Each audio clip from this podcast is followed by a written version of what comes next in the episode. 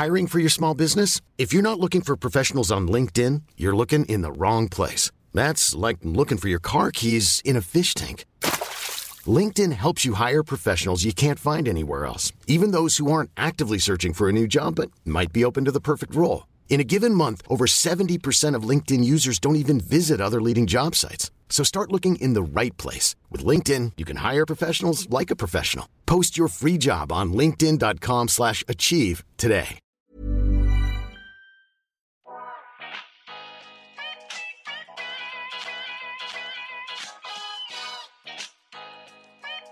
Välkommen till En timme med där jag, Sanja Tegeltia, träffar människor som inspirerar mig, som delar med sig om sina karriärresor, sina motgångar, om självutveckling och hur de har kommit dit de är idag.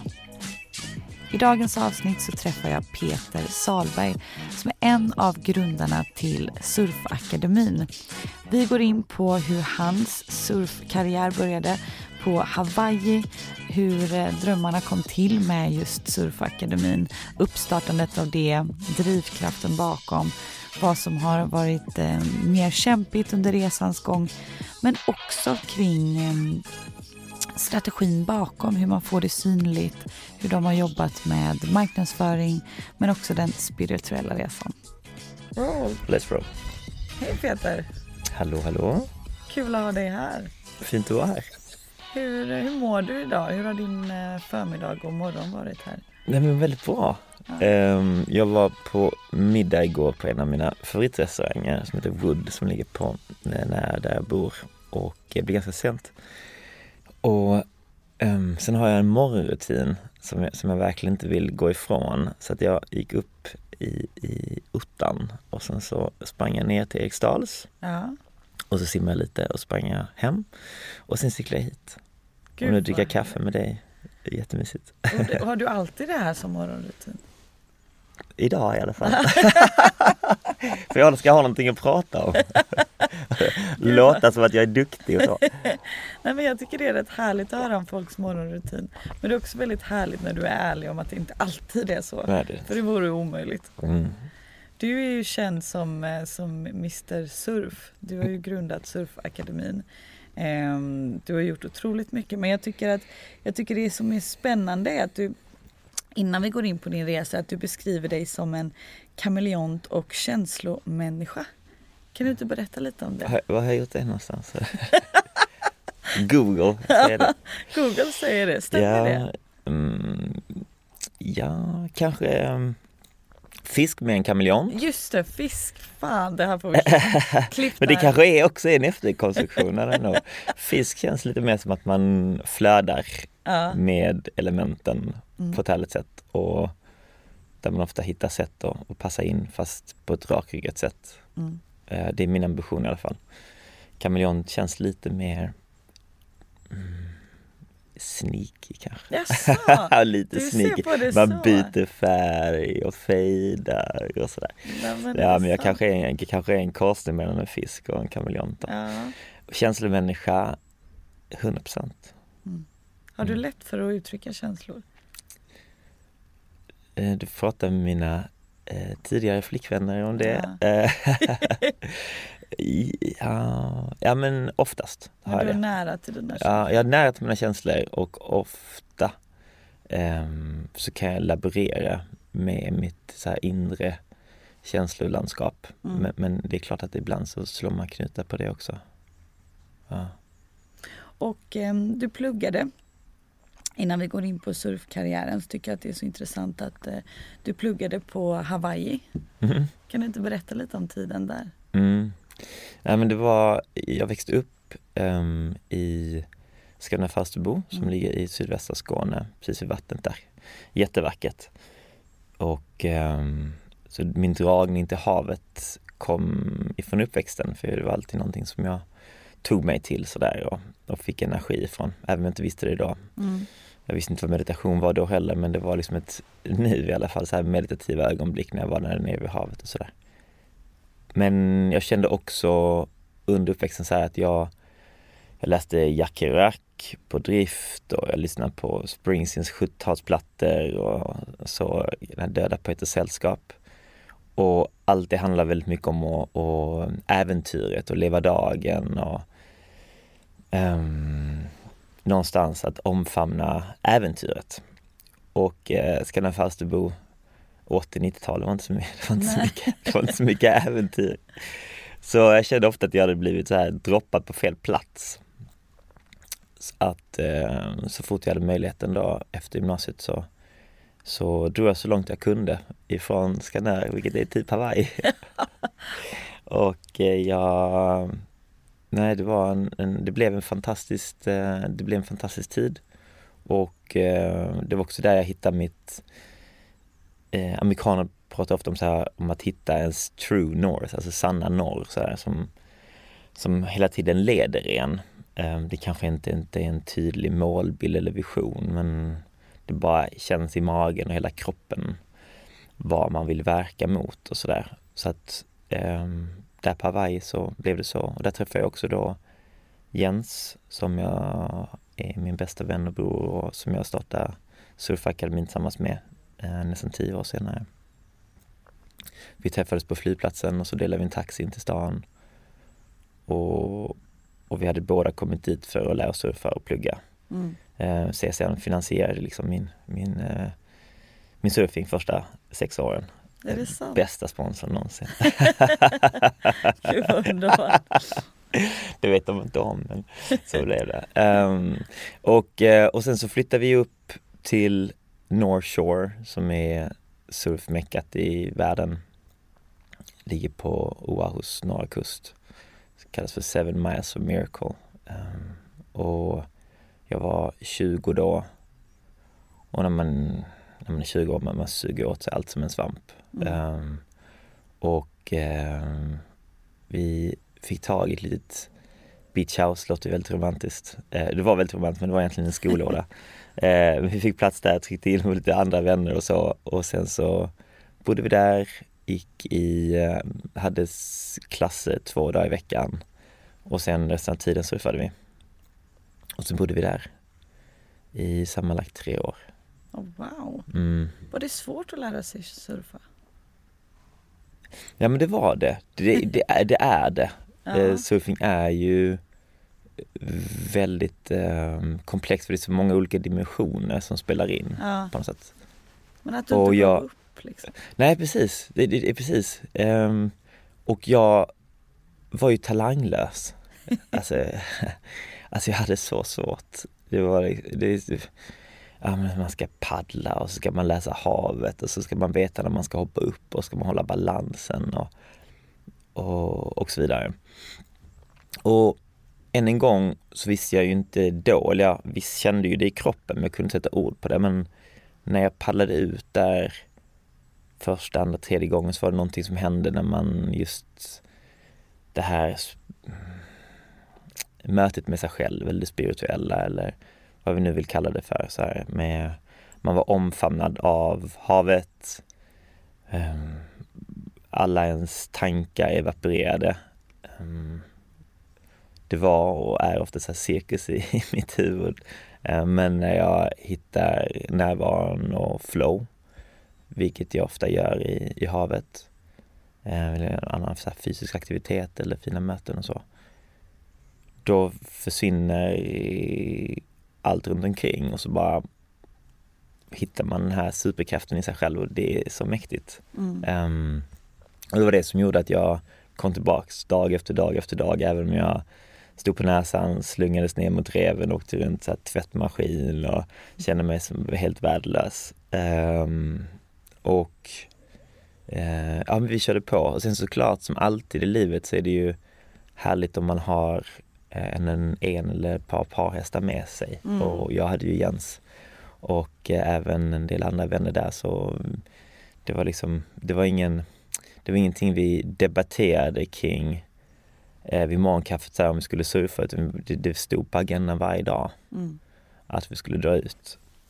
Um, och sen på den vägen var det och, och sen um, var det ganska kul för att det var en eh, hawaiiansk familj då som, som bodde grannar med oss och efter ett par månader såg de att vi höll på de såg att vi var committade för varje morgon så drog vi på brädorna på taket och vi drog iväg och vi kom tillbaka sent och de sa att vi pluggade och det med det fjärde. Så, så att vi, vi hade någon typ av fokus ändå. Ja, jag är imponerad. Jag bara så hur gick plugget?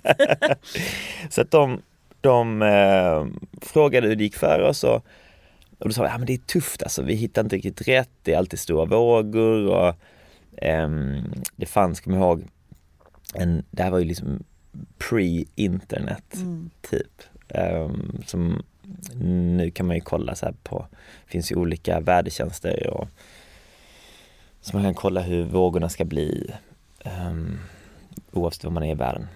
Um, men där och då så det fanns inte den typen av internet fanns inte riktigt. Um, så då åkte vi förbi en surfbutik som heter Surf and Sea som mm. låg i Haliva.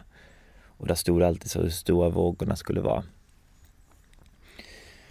Och, och då har de hoppades man ju varje dag att det skulle vara mellan en till två fot. En till mm. två fot, ja vad kan det vara? Det kan vara höfthögt kanske, mm. brösthögt. Um, på Hawaii. Man mäter vågorna lite olika beroende på var någonstans. Um, men det stod alltid 4 till 6 och då är det så här huvudhöga vågor och det är inte bara huvudhöga vågor, det är bra kraft i dem också. Så varje morgon så höll man tummarna på, okej okay, kan det vara litet idag? Och sen så var det bara 4 till 6, alright, då hoppar man ut. Um, det är som att surfing är ju, för om man skulle åka upp till Åre så ja. kan man ju man, man kan åka, vad det nu heter Grön, röd, svart Ja precis, ja. man kan åka dem. Jag tänkte, tänkte bara slänga med den VC6 mm. I don't know. Det var ett tag sedan jag var där uppe nu, där vet, hade jag chansen att skapa lite skid-cred. Jag missade den helt. Ja exakt, Nej, men det är så här, ja visst du har en barnbacke, du kan åka till Duved, okej okay, Duved är lite softare. Ja. Och sen så kan du ta Olympiabacken, är lite, lite köttigare då och visst, det är klart att det kan vara nypistat, mysigt. Eh, eller så är det isigt som katten, inte så skönt. Men havet kan se ut som att idag är det en barnbacke. Eller igår var det en barnbacke. Men idag är det puckelpist. Alltså Aha. havet kan ju ändra karaktär så mycket. Såklart. Och strand, från strand till strand. Såklart en strand som heter Pipeline. Eh, all tid när det är vågor så är det en liten tub eller en stor tub och så är det en kraftfull våg som bryter på, på rev. Eh, andra ställen är ett beachbreak där det bryter på en sandbank och där vågorna oftast är små och chilla, kanske. Och sen då och då när det kommer ett stort swell så pangar det på lite. Eh, nu blir det en otroligt lång utläggning så jag är helt säker på att vi får klippa det här tio gånger om. För jag, men jag försöker hålla mig till, till den röda tråden. Röda tråden i alla fall, vi kommer tillbaka till den här hawaiianska familjen. Uh. Och de frågade så här, men hur går det? Och vi sa, ja, men vi hittar inte riktigt eh, rätt med vilken bräda vi ska ha, vilka stränder vi ska surfa. Um, och då sa de så här, ja men häng på oss. Och då gjorde vi det. Mm. Uh, och det var en söndag. Och på söndagar så på Hawaii så har man luau's, ja. alltså barbecues. Och då träffas familjen och vänner. Och det spelar liksom ingen roll om man är gammal eller ung eller liten eller stor. Alla ses och så surfar man. Mm. Eh, och man har alla har stora, stora longboards, 10 eller longboards. Och jag tror att det är där jag verkligen blev kär i surfen. Så här, för det är inkluderande. Mm. Um, många ser ju surfing som det här, man ska surfa Nazare, så här höghus, vågor som bara kollapsar. Att det är extremt full on adrenalin. Eh, och det kan jag ha otrolig respekt för och eh, imponeras av. Men för mig så handlar surfing mer som en dans eller som frias, mindre lekfulla vågor. Um, ja, det, det, det, är ju serotonin och det är dopamin påslag men kanske inte riktigt känner den adrenalinkicken. Nej. Och det jag håller på med är väldigt långt ifrån extremt. Man pratar om mm. extreme sports. Eh, men, ja, men, men, jag surfar eh, långa brädor och småvågor och det är allt som oftast eh, lekfullt och eh, en ynnest hålla på med bara. Och, och, för mig hittar jag hittar flow och lekfullhet i det. Mm. Men det är lite som du jämför för de som inte har surfat kanske då att med skidåkningen antingen så åker man liksom en, en riktig hardcore backe och får adrenalinkick och är grym på det eller så njuter man av skidåkningen. Kanske väljer mer en familjebacke som är skön, lång och det är nice skidåkning. Det kan väl ändå vara en ganska bra parallell. Absolut. Absolut. Men vad hände sen då? Du flyttade hem och till Sverige, inte lika mycket surfing kanske. Du började jobba. Mm. Mm, vad gjorde du då? Det gick ett par år till där jag pluggade eh, klart i Lund som skåning så måste man ju eh, ligga i, i, i Lund någon termin där, känns ju passande. Ja, man säger så alltså, ligga. Man säger, nej, nej, man säger, jag tror man säger det så gammalt som för man ska ligga vid universitetet. Så. Har du inte hört det? Jag bara, du kan få ligga i Lund. Härligt! Jag, jag, vet inte, ligga, man säger ligga i Lund eller Uppsala, säger man så inte så? Ja, mina föräldrar sa det. Ja, Okej, okay, men det, ja, det kan man ju tolka som man vill. Eh, och eh, jag gjorde det båda kan man säga. Jag låg, jag, låg, jag låg i Lund. Det är nog helt rätt. Men ja, precis. Och så, och så pluggade jag lite i Skottland också. Och sen var det dags att börja jobba. Mm, och då jobbade jag på, på um, en PR-byrå. Och sen ungefär precis samtidigt som idén till Surfakademin föddes så um, flyttade jag till Stockholm okay. uh, ifrån Skåne. Och började jobba på um, MTG. Mm. Och ja, så då Ska man gå in i detalj? Nej, behöver inte gå in i detalj direkt. Nej, jag så. tänker trivdes ja. du där? Ja, det var superkul. Det var men, jätteroligt. Det var, det var fantastiskt. Men vad och PR-byrålivet var också kul. Jag var 25 nybakad och peppad ja. eh, och fick massa ansvar som jag axlade sisådär. Men det var peppigt liksom. Och samma sak med MTG så, så um, jobbade jag med grejer som där jag hade en fri roll på mittfältet. De visste inte bättre än att ge mig så mycket um, fritt spelrum. Mm. Men väldigt kul och väldigt givande. Och säkert något du kan ha tagit med dig nu till Surfakademin. 100 procent. För var det då magkänslan sa så här, det här är inte riktigt det jag vill göra? Eller hur kom idén ja, till Surfakademin till? Det, jag tror inte det var så mycket att jag inte var nöjd med det utan det var bara så att jag visste att det fanns någonting annat. Om mm. vi går tillbaka till det här med mitt sanna norr. Ja. Det var grymt. Jag, jag, jag, jag bodde i Stockholm och jag kände verkligen att jag fick eh, utlopp för min kreativitet Um, även om det var typ i en ram så kände jag mig ändå fri i det.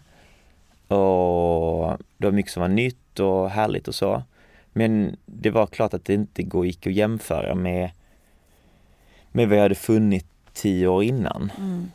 Um, så jag tror att med, med Surfakademin så växte det fram väldigt organiskt. Både Jens och jag kände att vi, uh, och Jens jobbar med reklam då, så vi kände båda att ja, men det livet Hawaii förändrar ju någonting i oss. Mm. Eller kanske snarare än att det förändrades så födde det, föddes någonting i oss, ett frö såddes då. Och vi ville kultivera det fröet. Och det var ju väldigt inkännande så att vi våren 2006 så köpte vi 20 surfbrädor och, och två folkabussar eh, låter så filmiskt. Eh, och jag pratade med en kompis eh, om det här på middag så att allting tenderar att låta filmiskt ja. tio år senare. Eh, men där och då var det så sjukt oglammigt. Var så här, Fan du ska köpa en sån buss där och brädor från England och var, var noll koll liksom. Eh, och men, hade ni eh, gjort lite research då? Ni visste att folk ville haka på det här eller lära sig surfing? Eh, vi hade jobbat mycket med fokusgrupper. Ja. Och, nej, nej. Men jag snackat med folk eller var det mer så här? Ja, men vi, hade äh, varit... vi hoppas på det bästa och kör på den med. Ja men under ett par år så hade vi åkt ner till Biarritz. Mm. Eh, efter Hawaii-åren där, när vi hade pluggat klart och jobbade så här. Då hade vi åkt ner till Biarritz med långhelger och så här och då hade mm, vänner följt med. Och det var väl så det föddes. Wow, okej, okay. vi kan ta med oss vänner då kanske vi kan ta med oss typ bekanta som kanske kan betala oss lite för att mm. vi lotsar in dem och att vi är budbärare eller förmedlare av den här eh, fantastiska livsstilen som vi älskar så mycket. Så var det så det växte fram. Okay. Och jag tror att vi, jag var 30 när vi startade Surfakademin. Och det, jag tror det som hjälpte oss då, det var att det, vi hade ju inte idéerna tankarna att det skulle bli så mycket. Mm. Utan det, det var väldigt eh, naivt kanske. Mm. Eh, utifrån upplägget att ja, men, vi testar det här. Alltså värsta scenariot är att vi får surfa massa i två månader och så får man väl kontakta eh, MTG igen och bara, men du får jag komma tillbaks? Nej men du vet, vad, vad saker har ju hänt sådär. Ja. Så att, och sen så bara, men det rullade liksom på. Det gick över all, all förväntan. Och sen eftersom det gick så bra så tänkte jag, men vi kan göra någonting i vinter också. Mm. Och då hade vi båda varit i Costa Rica ehm, ett par år tidigare. Så det kändes, ja men vi kör Costa Rica. Och sen så, ja, och från 2007 där så bara kände jag, men det här kan ju faktiskt funka. Mm. Och, och sen har det rullat på sen dess så, såklart. Det är ju, vi har kört det här i 16, 16 år nu. Mm. Eh, vilket är helt otroligt att det är så Nej, lång tid som har gått. wow. Kan du inte berätta för de som inte har koll på upplägget, vad är det man köper så att säga? Liksom? Vad, vad, vad är upplägget som ni erbjuder? Både vad gäller sommarupplägget eller vinter. Mhm. Det, det tror jag att många är så här, nu när du får hisspitcha lite. Nej, men jag tror att det, det är nice att veta. Ja just det. För det är ändå affärsidén. Ja, ja, ja exakt, exakt. Surfakademin, vi kreerar surf och yogaupplevelser Ehm, på våra favoritplatser runt i världen. Och första 5-10 åren så var det ju väldigt mycket fokus på surf såklart, vilket det fortfarande är, men det var ju surf vi, vi, vi körde på och det var tanken redan från början var för att själva surfskolekonceptet aldrig riktigt attraherat oss. Man, det känns så likformigt. Um, man ska gå ner vid en viss tid och ska man göra en viss sak och sen så är det klart och så ska man stå med en viss tid på stranden och sådär. Um, det har inte appellerat till oss utan som vi var inne på tidigare där med att surfing för oss är friast, ett Mm. fria uttryck så här. Och när vi körde igång så var det väldigt fritt Mm. ehm, och lekfullt och härligt. Och sen så ett yoga och meditationspass Mm. för, för att landa. Och sen checkar vi brunch. Och beroende lite på olika destinationer så där så har vi antingen kockar med oss eller styr upp det på annat håll. Och sen åker vi och surfar. Aha. Ja, men det som är så kul med, med Surfakademin är att det har eh, fått växa fram organiskt under åren och vi pratar ofta akademin som att det är ett experiment snarare än någonting annat. Ehm, och det är klart att vi är surfare så fokus är på surfupplevelsen.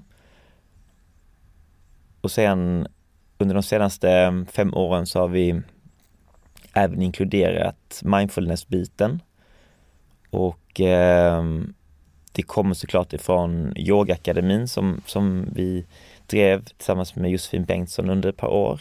Och det har inspirerats väldigt mycket av så vi har lägger in yoga och meditation och kallbad och, och breathwork.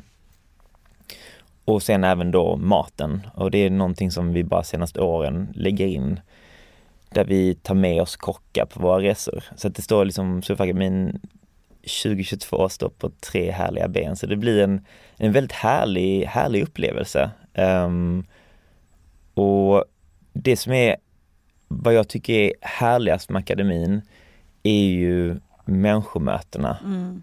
Ehm, och det är kanske en, alltså det är mest tydligt i Costa Rica. eh, där man bara glider runt i bikini eller shorts. Och människomötena där blir så levande och så direkta. Och det känns ganska fort som att valutan vi har i Stockholm eller var vi nu kommer bo någonstans, inte riktigt, den är gäller inte giltig. Ehm, och massa masker åker av och, och eftersom vi lever i naturen, vid havet och får tillfredsställelse ifrån surfen med dopamin och närvaro och sen så får man sträcka ut och grunda sig genom yogan och meditationen och sen att vi även tillfredsställer den, vet, den, eh, med maten Mm. så blir vi väldigt landade och trygga. Mm. Eh, och när vi är grundade, jordade och trygga, det skapar en väldigt fin utgångspunkt för eh, de här människomötena. Där vi inte har, eller filter finns väl alltid, men där, där massa masker åker av och där vi bara kan mötas autentiskt. Ja. Och eh, jag menar åtskilliga par som har skapats eh, under Surfakademin och ja, vi, både Jens och jag har fått åtskilligt med eh, bröllopsinbjudningar, vilket är helt fantastiskt. Och, och vänskapsband som skapas och eh, det är ju en ynnest att få bara vara en, en brygga Mm. i, i det. Ehm, så att just communitykänslan, det, det, det är vad jag älskar mest och vad jag själv inspireras väldigt mycket utav. Och det är så intressant för vi tenderar att leva klusterfierat. Oh, ja. Att vi hänger med dem vi växte upp med eller pluggar med eller jobbar med sådär. Ehm, men med Surfakademin så är det väldigt heterogent. Det är blandat killar och tjejer, åldrar, vissa åker själv, andra åker med sin partner och med sina vänner och just den här mixen att man ehm, Alltså det finns liksom ingen tydlig persona som åker på det här. Det kan vara vem som helst egentligen. mm, Gud vad underbart. mm, Men är det så här för de som blir lite nyfikna nu då, vilket jag kan tänka mig många blir, för det är också en sån här grej man, jag tror behöver, speciellt när man lever lite ekorrhjulet här hemma i Stockholm eller vart man än bor, så blir det ju ofta same same. Är det så omöjligt att få platser ett år innan, för nu har ni ändå jobbat upp någonting mhm, jämfört med 16 år sedan. mm. Eh, får man det eller behöver man liksom ha utkik superlångt innan? Jag tror att vi har någon plats kvar hösten 2027.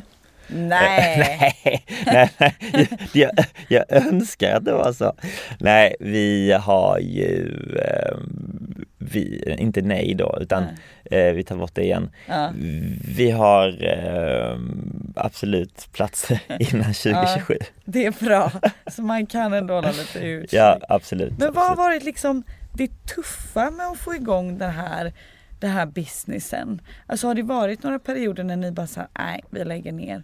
Eller har det alltid varit så här successivt? För ni har ju syns, ni har ju varit duktiga på att synas och höras tycker jag ändå. Det kommer vi in till på när min nästa fråga hur jag tänkt där. Men, men har det varit någonting varit kämpigt? Vi har haft olika, eh, olika faser såklart. Mm. Och ehm, de senaste tre åren har ju varit väldigt utmanande. För att i och med covid så jag landade på Arlanda ifrån Costa Rica våren 2020, måste ha varit mars någonting så här. Då gick jag fram och tittade på den här avgångs, avgångsskärmen och, och eh, det var liksom inga flyg där. Alltså alla, det fanns inga, inga anvisningar. Och då gick det upp för mig så här, det är klart att, att riktigt hade, eller riktigt men eh, nyheterna hade ju såklart spridits till Costa Rica då. Eh, men man förstod inte alls digniteten på vad som skulle hända. Och ganska fort så stod det klart för oss att eh, vi skulle inte kunna genomföra vår resa till Biarritz i Frankrike eller Galicien i Spanien den sommaren och sen inte heller Kalifornien, inte heller Costa Rica. Och där var det ju, det blev otroligt så här osäkerhetspåslag. Ehm, och det var intressant för att det jag älskar att göra är att skapa upplevelser och bygga community. Och då okej, nu kan vi inte göra det på alla de här platserna runt om i världen, men vad händer om vi skulle göra det på västkusten eller Österlen? Och det är klart att det finns ju inga garantier att det ska vara vågor i Sverige. Nej. Men vi tänkte, ja men okej, då kan vi ehm, Men det folk vill göra är att träffas och mötas och göra roliga saker tillsammans. Och det är vi oftast duktiga på att skapa Mm. tillsammans med våra gäster. Och sen så tänkte jag, ja men okej, men då lägger vi in ännu mer yoga, meditation, kallbad, breathwork och så kreerar vi en upplevelse kring det Och sen så kan man, det är ganska mycket bitar av surfen som man kan addera Mm. eh, och lägga till även om inte det är perfekta vågor. Och så rullade vi på det och så testade det och sen så gick det väldigt bra och än en gång, jag menar folk kunde inte resa men folk ville träffa varandra. Mm. Så då blev det liksom en omställning att vi började göra mer gay hemma, vilket inte gjort tidigare. Innan har vi bara satt oss på, på E4 eller E6 och bara bränt ner till berget. Nu var det bara så okej, okay, nu kan vi göra det här i Varberg eller på Österlen. Så det var mäktigt. Men, Ja. Så det var ju en, eh, det var någonting som växte fram ur osäkerheten och tomrummet. Men det är klart att vi komprimerades ju väldigt, väldigt mycket. Med tanke på att vi inte kunde ha några av våra, våra ordinarie destinationer på två år. Nej. Det var aldrig så att ni tänkte att vi måste lägga ner eller? Eftersom att det var så osäkert allting. Ja men Jens och jag hade såklart eh, eh, diskussioner kring det så här. Eh, och det var både Jens och jag hade så här sms som vi aldrig skickade till varandra. Jag tror att, jag vet inte vad det var som Jag tror det var inför förra vintern i Costa Rica där vi faktiskt öppnade upp och så var det fjärde vågen, eller Omicron eller vad det nu var för någonting Mm. och då så, så följde vi ju nyheterna eh, minut för minut och så här. Så var det ju att hur man, hur man vidare man skulle öppna upp eller stänga och UDs rekommendation och sådär. Och då kommer jag ihåg att eh, så pratade vi om det ett par dagar senare. Men jag höll på att skriva ett kaoskris-sms till Jens, skicka inte iväg det. Och så ringde jag honom tre dagar senare och då hade saker och ting släppts upp. Ja, vad bra. Och då sa Jens till mig att jag, jag höll på att skriva ett sms till dig, jag skickade inte iväg det. Så där var vi liksom helt, helt eh, heter det, i fas, i linje med varandra du, eh, under covid och sen någon typ av så post-covid blues. Än en gång så blir det ju att när, vi navigerar ju väldigt mycket utifrån vår passion. mm, Vår passion för surfing, vår passion för äventyret, vår passion för att skapa de här upplevelserna. Och då är det, då är det inte så lätt, eller snarare så här, då är det, då ger man inte upp. nej. Då kör man bara på. Och sen, jag tror att det som växte fram i mig under covid och fortfarande är ju tacksamheten då Mm. för det vi har gjort. För det är helt fantastiskt. Jag, jag har ju fått leva ut mina Peter Pan-drömmar nästan 20 år. Och det tar man ju för givet när det rullar på där och vi hade ju ett, ett väldigt fint flow. Vi har haft ett par sådana väldigt fina flow-perioder. Vi hade väl där mellan 15 och 18 typ. Och då, då rullar man på, man flängde runt över hela världen och man fick göra massa roliga grejer och det ena ledde till det andra och eh, det var tv-soffor och, och surfakademin uppskattades från olika perspektiv och så här. Det var superkul och då, då kör man bara på och då, då stannar man liksom inte upp. Ehm, och sen med covid har ju, vi har ju inte haft något val utan man har ju stannat upp. Men också tack- tacksamheten så här, ja men vi kanske inte kan erbjuda så här många retreats ehm, på så här många platser. Men vi kan göra det eh, mycket färre, men de kan bli ännu bättre. Mm. Och alternativ som du sa växte fram. Ja, och alternativ växer fram. Ehm, och jag tycker också det är intressant liksom hur ni har, som du sa, tv-soffor och sådär, men pre-tv-sofforna kom, hur, hur syntes ni överallt? Hur jobbade ni med att få uppmärksamhet och liksom få folk att boka det här?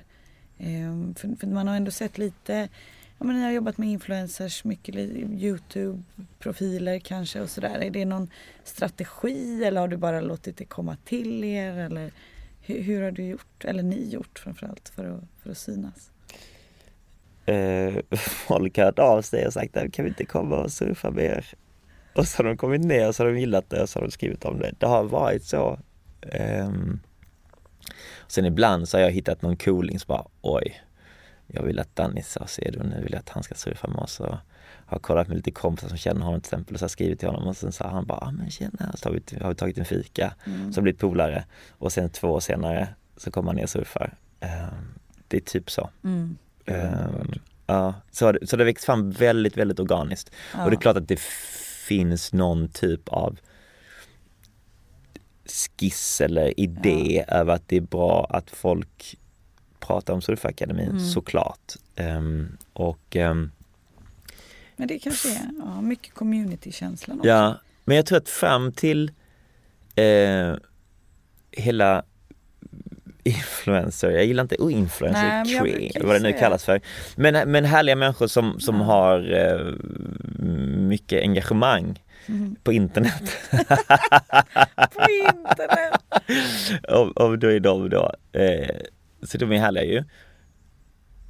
Men innan de kom till så var det ju mycket man läste i, i DNs resebilaga eller om det var Vagabond eller om det var Café och sådär. Och surfing är ju väldigt tacksamt Mm. att porträttera.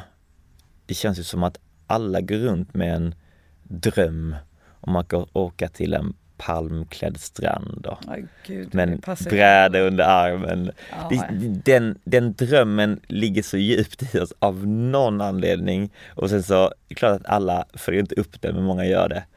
Så den, den är lätt att appellera till och det är klart att där jobbar vi ju medvetet och ehm, om vi skickar lite goa härliga bilder från Costa Rica och säger men nu är det ett par svenskar som eh, har gjort det här det här, skulle inte det vara roligt att uppmärksamma?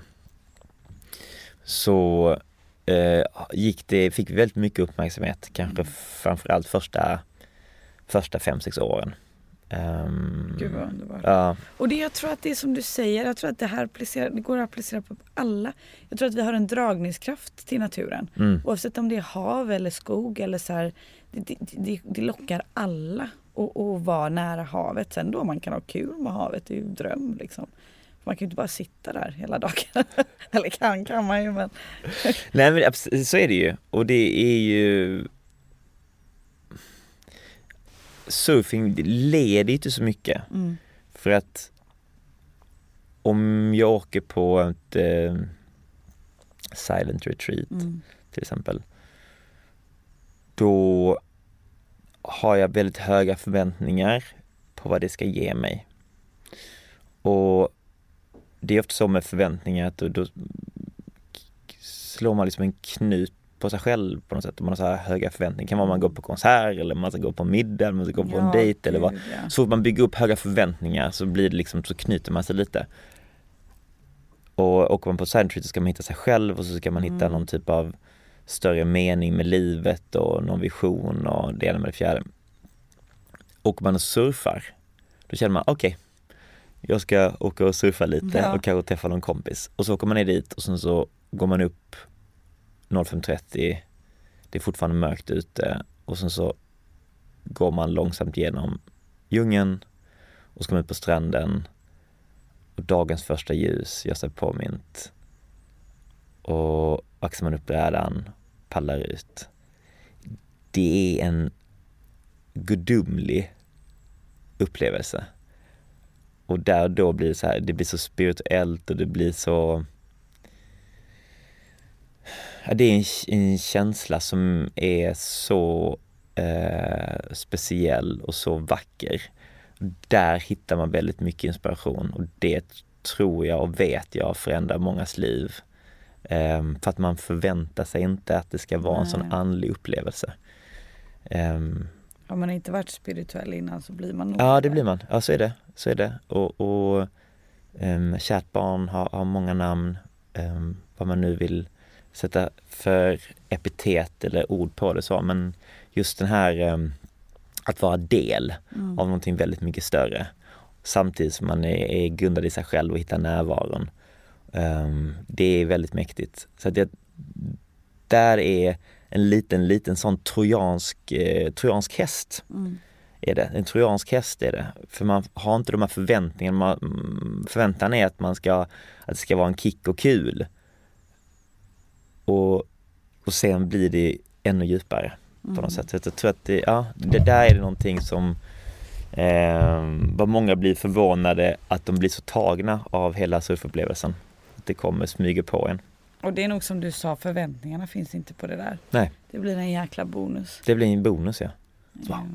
Kan jag få det igen? Ja, Ja. vi gör samma sak imorgon. Och hur Och många imorgon- dagar är man borta? En vecka eller två. Ja, Det är nice. Mm. Men vad heter det? mm, Jag är lite nyfiken på, på liksom, vad är framtidsdrömmarna och planerna med Surfakademin? Vill ni bli megastora i form av fler destinationer, värsta teamet? Är du nöjd där ni är? Och hur känner du med framtiden? Eller tar du dagen som den kommer? Jag älskar akademin som det är just nu. Eh, och det ska bli intressant att se lite vad som händer. Det känns som att folks resemönster har ändrats, har ändrats och ändras. Um, se, intressant att se lite var vi landar någonstans. Jag vill skapa världens bästa surf och yoga retreats. Jag vill att människor ska komma ner till oss och ha den bästa veckan i sina liv. Eh, träffa sin kärlek eller mm, träffa nya kompisar eller bara få den här magiska surfupplevelsen som gör att de eh, surfar för resten av sina liv. Ehm, och vi har drömmar att eh, köpa mark, bygga vårt egen, vårt eget lilla ställe, vår egen lilla lodge. Och vi hoppas att det blir Costa Rica. Wow, Mm. det vore ju mega fett. Mm. Och det är en dröm som har funnits sedan dag ett och, och, och eh, som har varit jättenära att hända och sen nej, det är inte ett läge nu och sen sådär. Men det är någonting som kommer att hända. Det kommer ju vid rätt timing. Eh, Det kommer vid rätt timing, 100%. Mm.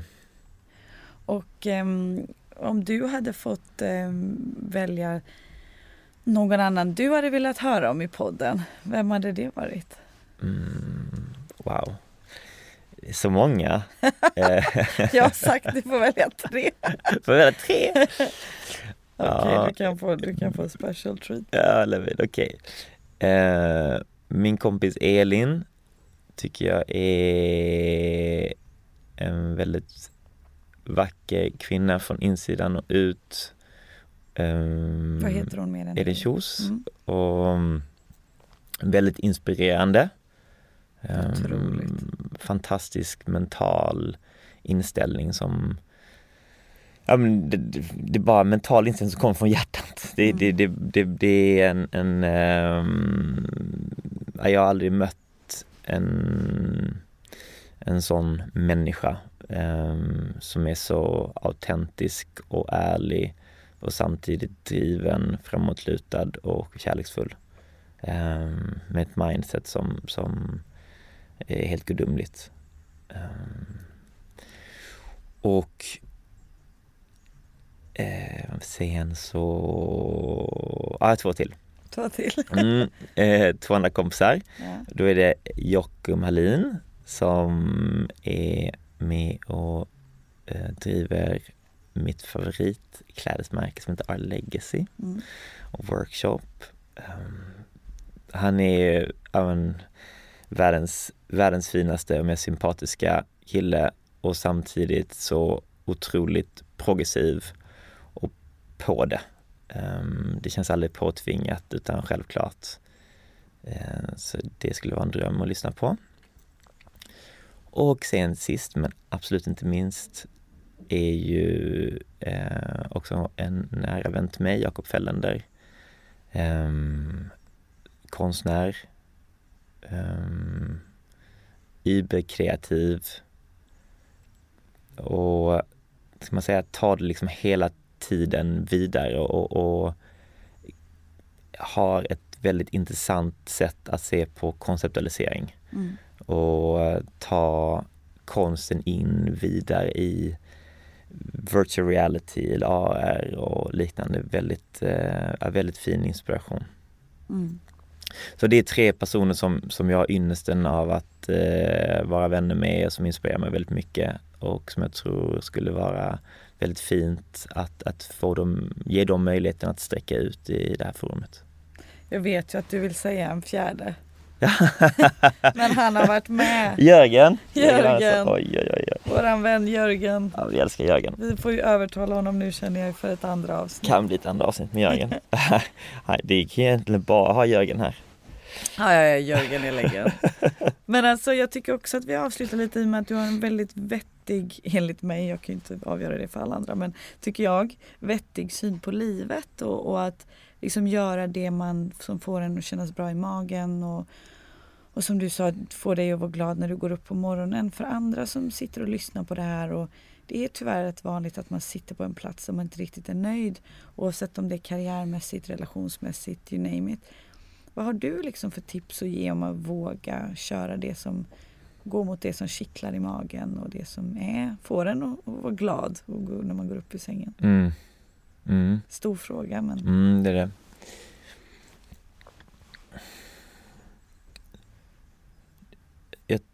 Vi har ju alla Jag läser en, en bok just nu som är skriven av Steven Kotler som handlar om The Rise of Superman. Och eh, i superkorta drag så handlar det om att, att hitta sin inre kraft eller sin egen Superman, Superwoman eh, i form av flow. Så bara titta på så här, okej okay, men vad är det som gör mig glad? När mår jag som bäst? Och sen utgå därifrån. mm. Um, och sen inte vara rädd för de här tumrummen eller när man är lite funk utan det är en del av allt, det är en del av livet. Men mm, verkligen gräva där man står i form av vad är det som gör mig glad? Um, och om man är lite osäker kring det så att komma ut i naturen, en promenad till skogen, nära vatten och att få träffa en nära kompis um, och bara vara sig själv. Det är en väldigt bra start. Mm. Tack. Och tusen, tusen tack för att du ville gästa podden.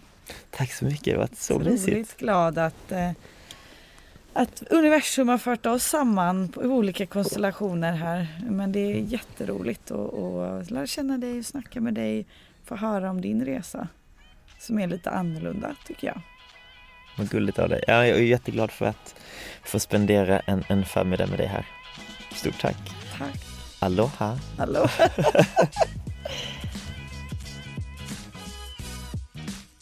Om ni gillar podden så får ni hemskt gärna dela den här med era vänner men också gå in och prenumerera och jättegärna lägga en liten kommentar. Det hade gjort mig så otroligt glad. Ever catch yourself eating the same flavorless dinner three days in a row? Dreaming of something better? Well, hello fresh is your guilt-free dream come true, baby. It's me, Gigi Palmer. Let's wake up those taste buds with hot, juicy pecan-crusted chicken or garlic butter shrimp scampi. Mm. Hello Fresh. Stop dreaming of all the delicious possibilities and dig in at HelloFresh.com.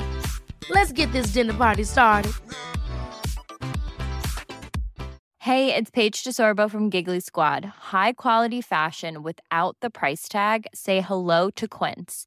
I'm snagging high-end essentials like cozy cashmere sweaters, sleek leather jackets, fine jewelry, and so much more. With Quince being 50 to 80% less than similar brands. And they partner with factories that prioritize safe, ethical, and responsible manufacturing. I love that. Luxury quality within reach. Go to quince.com slash style to get free shipping and 365 day returns on your next order.